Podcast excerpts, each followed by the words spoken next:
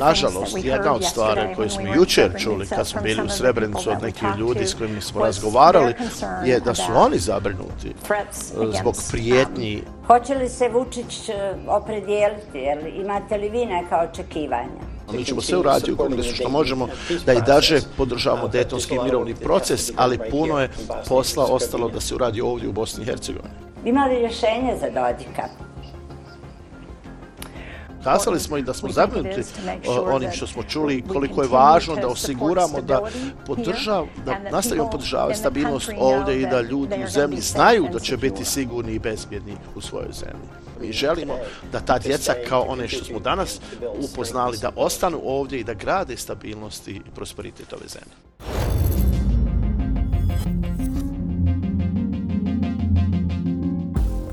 Malo se ko sjeća dana kada se Richard Holbrook sreo s novinarima na livadi na kojoj je danas memorialni centar Potočari. No kogod želi da pamti, zna koliko su Sjedinjene američke države posvećene poratnoj izgradnji Bosne i Hercegovine, uključujući i kulturu pamćenja. U našu zemlju uložile su više od 2 milijarde dolara, a u subotu je upravo u Potočarima. Američki ambasador u našoj zemlji, Michael Murphy, najavio podršku svoje države izgradnji objekta za smještaj posmrtnih ostataka žrtava genocida u Srebrenici, unutar kompleksa Memorialnog centra Potočari. Ovom činu pristuvala je visoka delegacija Sjedinjenih američkih država, senatori Jean Shaheen i Peter Welch. I zaista mi je iznimno zadovoljstvo što smo ih danas ugostili u oslobođenju. Senatorica Šahin je prva žena u američkoj historiji koja je izabrana i za guvernera i za senatora Sjedinjenih država. Iz New Hampshire je i slovi kao pionirka u nastojanjima da se ujedine i surađuju i suprostavljene političke partije kako bi se postigli zajednički politički ciljevi. Senatorica Šahin je poznata po svom vrijednom radu i posvećenosti poboljšanju kvalitete života. U Senatu je od 2009. članica je više odbora, a ono što je nama važno, veoma je aktivna kada su naši prostori u pitanju. S grupom senatora, naime, predlagačica je zakona o demokraciji i prosperitetu Zapadnog Balkana s ciljem da se sačuva mir, koji je od ključne važnosti za evropsku sigurnost i stabilnost. Senator Peter Welch je bio šampion borbe za radnike u Vermontu tokom cijele svoje karijere. Od izbora u predstavnički dom 2006. godine prepoznat je kao promišljen i efikasan zakonodavac. U kongresu je njegov rad vrednovan, pa je 2022. izabran u Senat, gdje planira nastaviti raditi u političkom spektru kojim bi služio i pomogao građanima Vermonta. Dobrodošli. Hvala. Senator Šahin, vi ste i ranije bili u Srebrenici, a u subotu ste najavili i prijedlog rezolucije koju ćete ponuditi Američkom kongresu i koja će se ticati upravo Srebrenice. O čemu je riječ? Um, Ja mislim da je jako važno da se uh, sjećamo istorije. I ja sam bila jako dirnuta juče kad smo bili u Srebrenici, kao što sam bila dirnuta i 2015. kad sam bila dijelom američke delegacije sa bivšim predsjednikom um, Billom Clintonom, bivšom državnom tajnicom Madam Albright. Ja znam da su um, oni bili posvećeni, koliko su posvećeni Bosni i Hercegovini i regionu.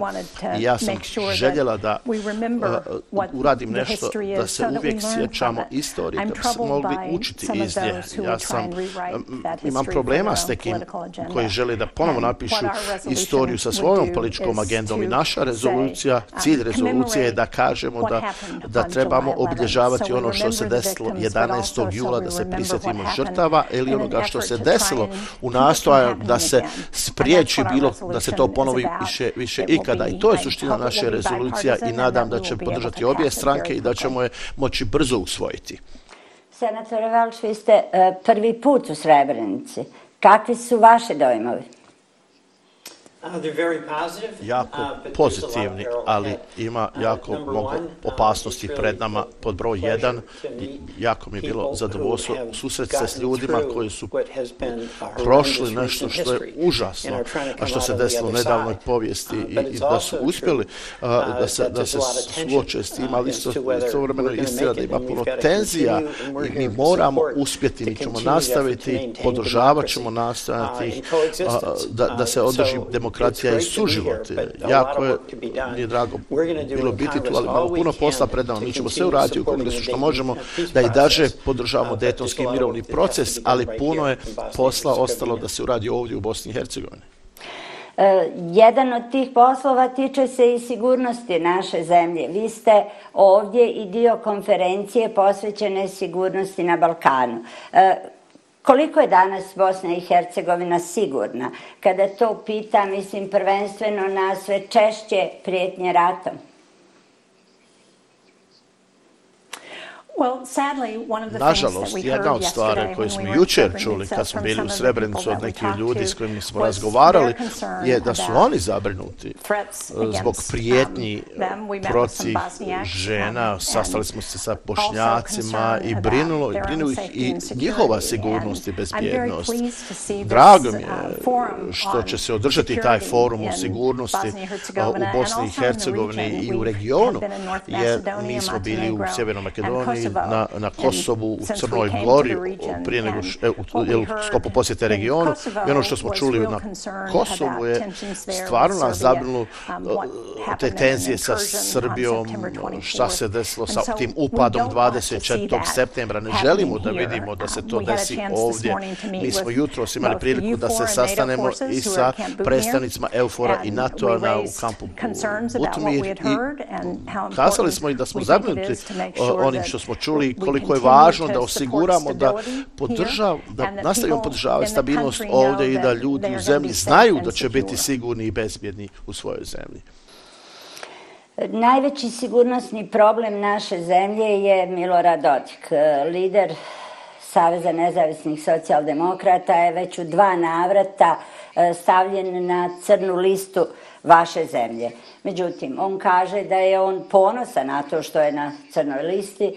E, svakoga dana, pretpostavljam da, da, da ste već upoznati sa tim, svakoga dana vrlo brutalno e, vrijeđa i proziva visokog predstavnika međunarodne zajednice u Bosni i Hercegovini, gospodina Kristijana Šmita i upravo ambasadora vaše zemlje, gospodina Murphyja. Imali, e, imali rješenje za Dodika? Um, ja smatram da je gospodin Dodik jedan od razloga zbog koga su mnogi građani koji se malo čas spomenulo zabrinuti zbog vlastite bezbjednosti i sigurnosti i zbog budućnosti svoje zemlje.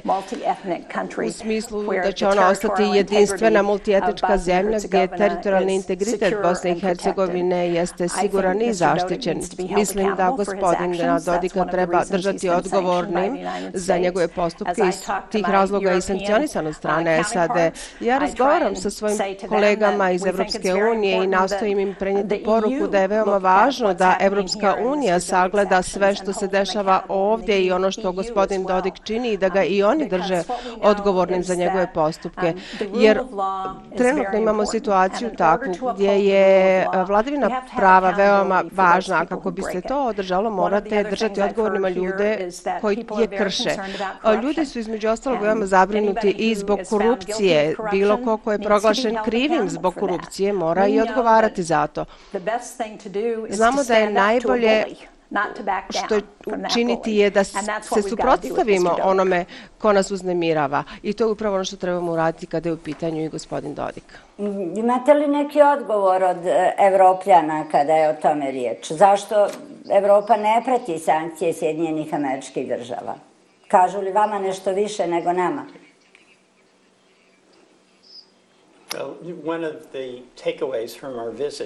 Jedna od stvari koju smo uh, uvidjeli tokom ove posjete jeste da moramo zaista naporno raditi, vrijedno raditi zajedno sa Evropskom unijom kako bi se postiglo uh, odgovarajuće razumijevanje i shvatanje situacije.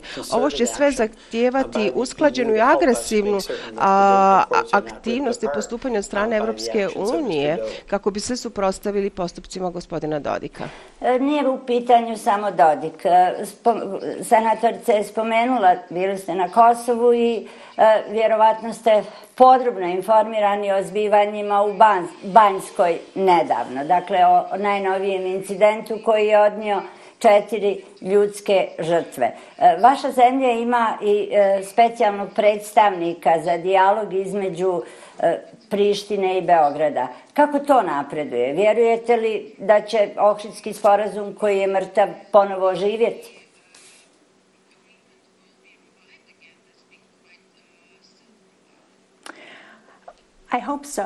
Zaista se nadam da će tako biti. Tokom našeg boravka tamo imali smo priliku sastati se i sa premijerom Kurtijem i predsjednicom Osmani. Mi smo im prenijeli naše um, žaljenje zbog svega onoga što se desilo 24. Uh, zaista uh, smo prepoznali i zabrinutost kod stanovnika Kosova za njihovu vlastitu bezbjednost i za bezbjednost granice sa Srbijom zbog svega što se desilo.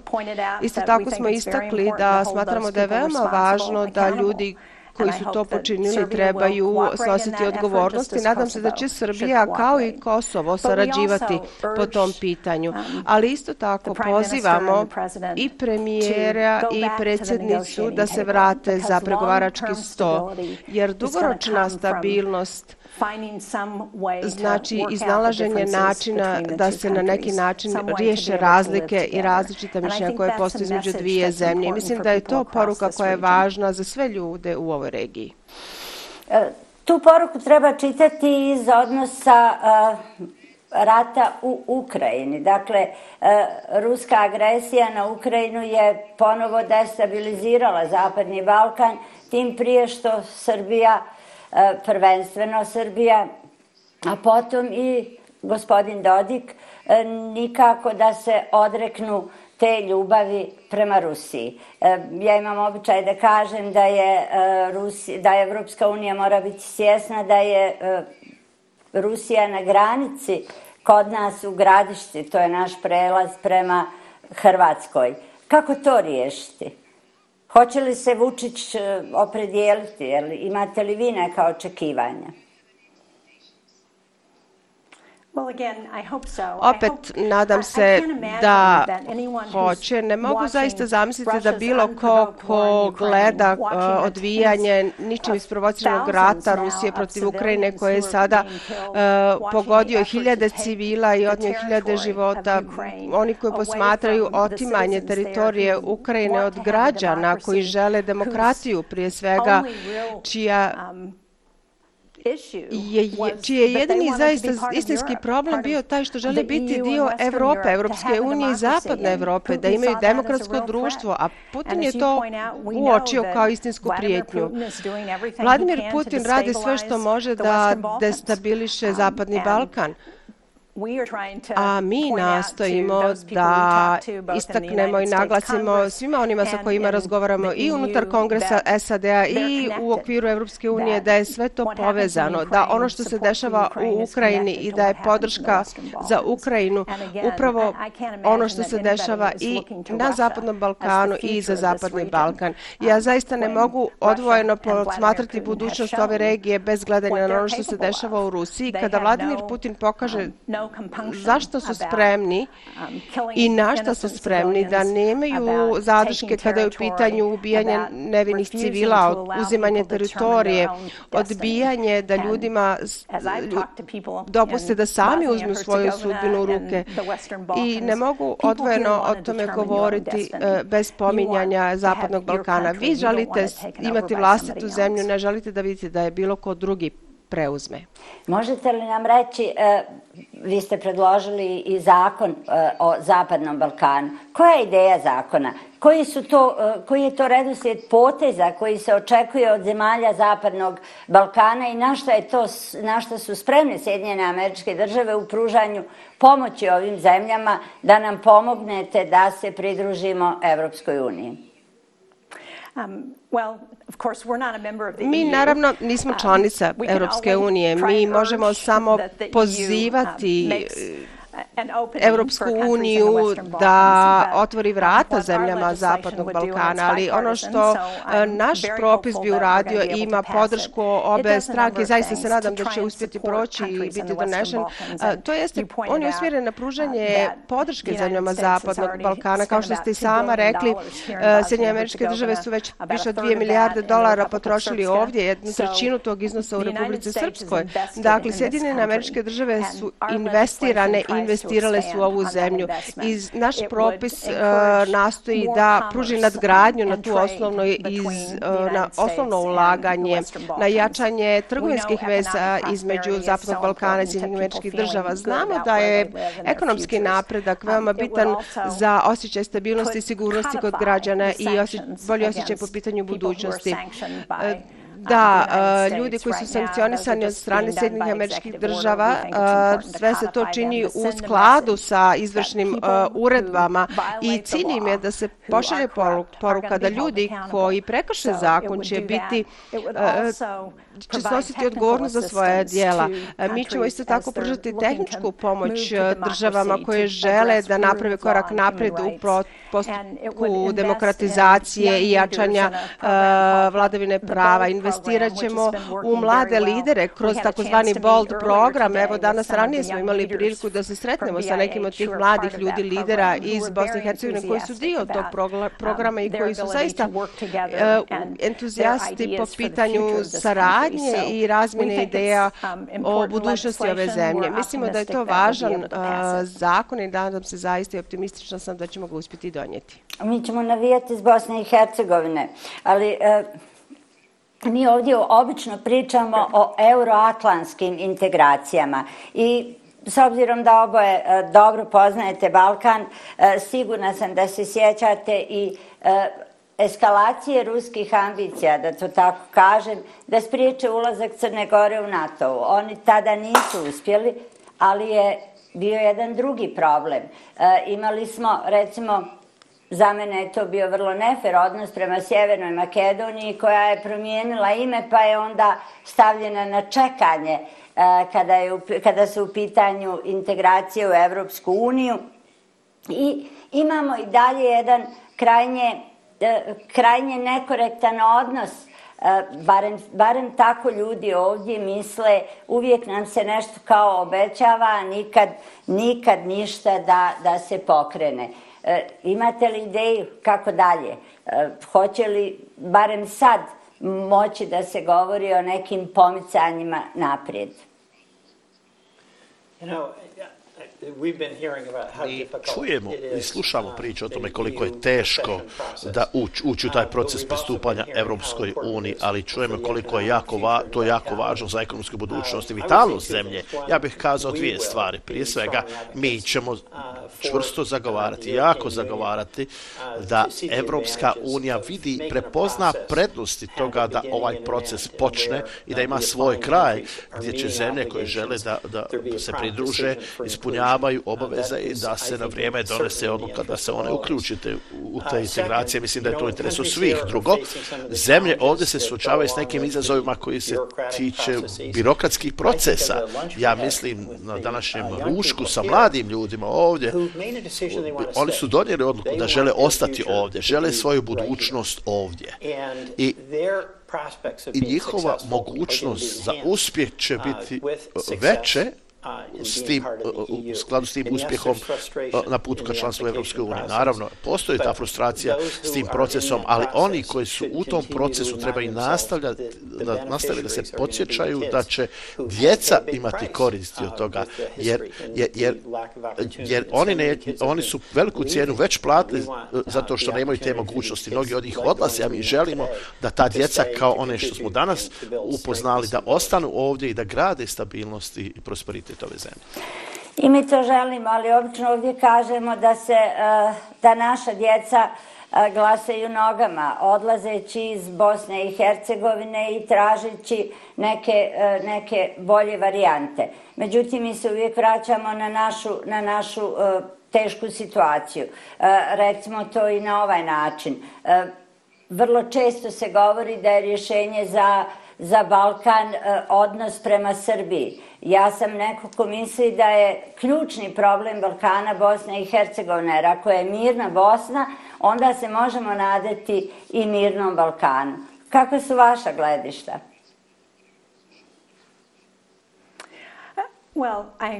Ja se slažem s tim. Ja mislim da ukoliko ima nestabilnosti u jednom dijelu regiona, to ima tendenciju da se prelije eh, na drugi dio um, regiona na načine koji bi mogli eksplodirati u ovom dijelu Evrope. I zato, um, kada pogledamo dešavanja u Ukrajini, jako je važno um, povezati to sa tim zašto moramo obratiti pažnju na Zapadni Balkan da, Balkan da bismo osigurali da ta vrsta um, etničkih rivalstava starih um, istorijskih uh, izazova, da se ne dođu na, na površu ponovo uh, na način da će destabilizirati Bosnu i Hercegovinu i na, znamo šta bi to moglo značiti za budućnost. Kad smo jučer bili u Srebrenici, um, sastali smo se sa majkama Srebrenice. I jedna od žena me, nam je ispričala priču. ja sam to smatrala, to me jako dijedilo, rekla je da ima malu radnju tamo i neka djeca iz škole su bila kod nje u radnji, željeli su da kupe je nešto, ne, nešto što će, što će ih podsjećati na to da su bili u Srebrenici. Jedna je djevojka, djevojčica rekla drugoj, da ja ću ovo odnijeti, ovo da pokažem svojoj porodici u drugom dijelu Bosne i Hercegovine. A majka je rekla, Mi želimo da sva djeca Bosne i Hercegovine da znaju da su oni dio jedne zemlje, da smo mi svi jedinstveni kao jedna zemlja. I mislim da um, to mi želimo u Sjednjim mečkih država. Mislim da to Evropska unija želi i mi moramo nastaviti raditi na način uh, da podržimo ovu zemlju, da ohrabrimo Evropsku uniju, da svati tu vezu između Ukrajine i onoga što se dešava tamo i onoga što bi se moglo desiti ovdje ako ne, ne posvetimo dovoljno pažnje. Ako ne, šta je drugi scenarij? Postoji li crni scenarij u ovoj cijeloj priči? Mi znamo šta je crni scenario. Mogli bi, mogli su se vratiti u nasilje, to smo vidjeli, to je, bilo, to je bila katastrofa za sve. Ponovo, vraćam se da, na mlade ljude s kojima smo se sastali. Imaju, ljudi imaju ovdje posao to da se bave političkim sistem, sistemom u kojem je previše korupcije, koji nije nas zasnovan na zaslugama na vladavni zakona. To je ono što šokira mlade ljude. Mi moramo raditi posao E, i s kojima se morate sukobiti zajedno sa vama, to je da uradimo sve što možemo, da osiguramo da, da odredbe sedetovnog sporazuma poštuju i mi imamo posao, mi koji smo preuzeli da mi možemo, želimo uraditi sve što možemo da ubjedimo EUFOR da mora biti ozbiljan, bude svjestan tih detalja i trenutka u kojem se nalazimo. Ne želimo da napredak koji ste vi postigli, mi postigli da, da, da nestane. To bi se moglo desiti. Dakle, zasukajmo rukavi i hajmo raditi. Jeste li ih uspjeli ubijediti da sastanku danas? Oh, Ja mislim da će to biti dugi proces i moramo nastaviti to raditi. Ja, ja nikad ne odustajem. Ja, ja, ja sam dosljednja i, i želim, uporna sam, ja sam u obrnom regionu bila uh, jako puno puta u proteklih 13 godina i, i sretna sam nekim promjenama koje sam vidjela, ali neke druge stvari brinu. I ono što je jako važno je da smo u trenutku, u vremenu kada imamo još jednu šansu, imamo novu šansu za da Evropska unija radi na, na omogućavanju pristupa zemalja ovog regionu Evropskoj uniji. Oni koji žele da se pridruži, imamo priliku da se, da se riješe neka otvorena pitanja koja ostaju i moramo to iskoristiti, jer ova šansa se možda neće ponovo pojaviti u narednom periodu. Hvala vam lijepa. Uvjerena sam da u ime naših gledatelja mogu iskazati zahvalnost za posvećenost i pomaganje Bosni i Hercegovini. Bilo je to sve za danas. Ostanite sa nama na našem O-kanalu i uz naše oslobođenje. Pratite naš portal oslobođenje.ba i naše podcaste. Vidimo se narednog ponedjeljka direktno pa šta bude.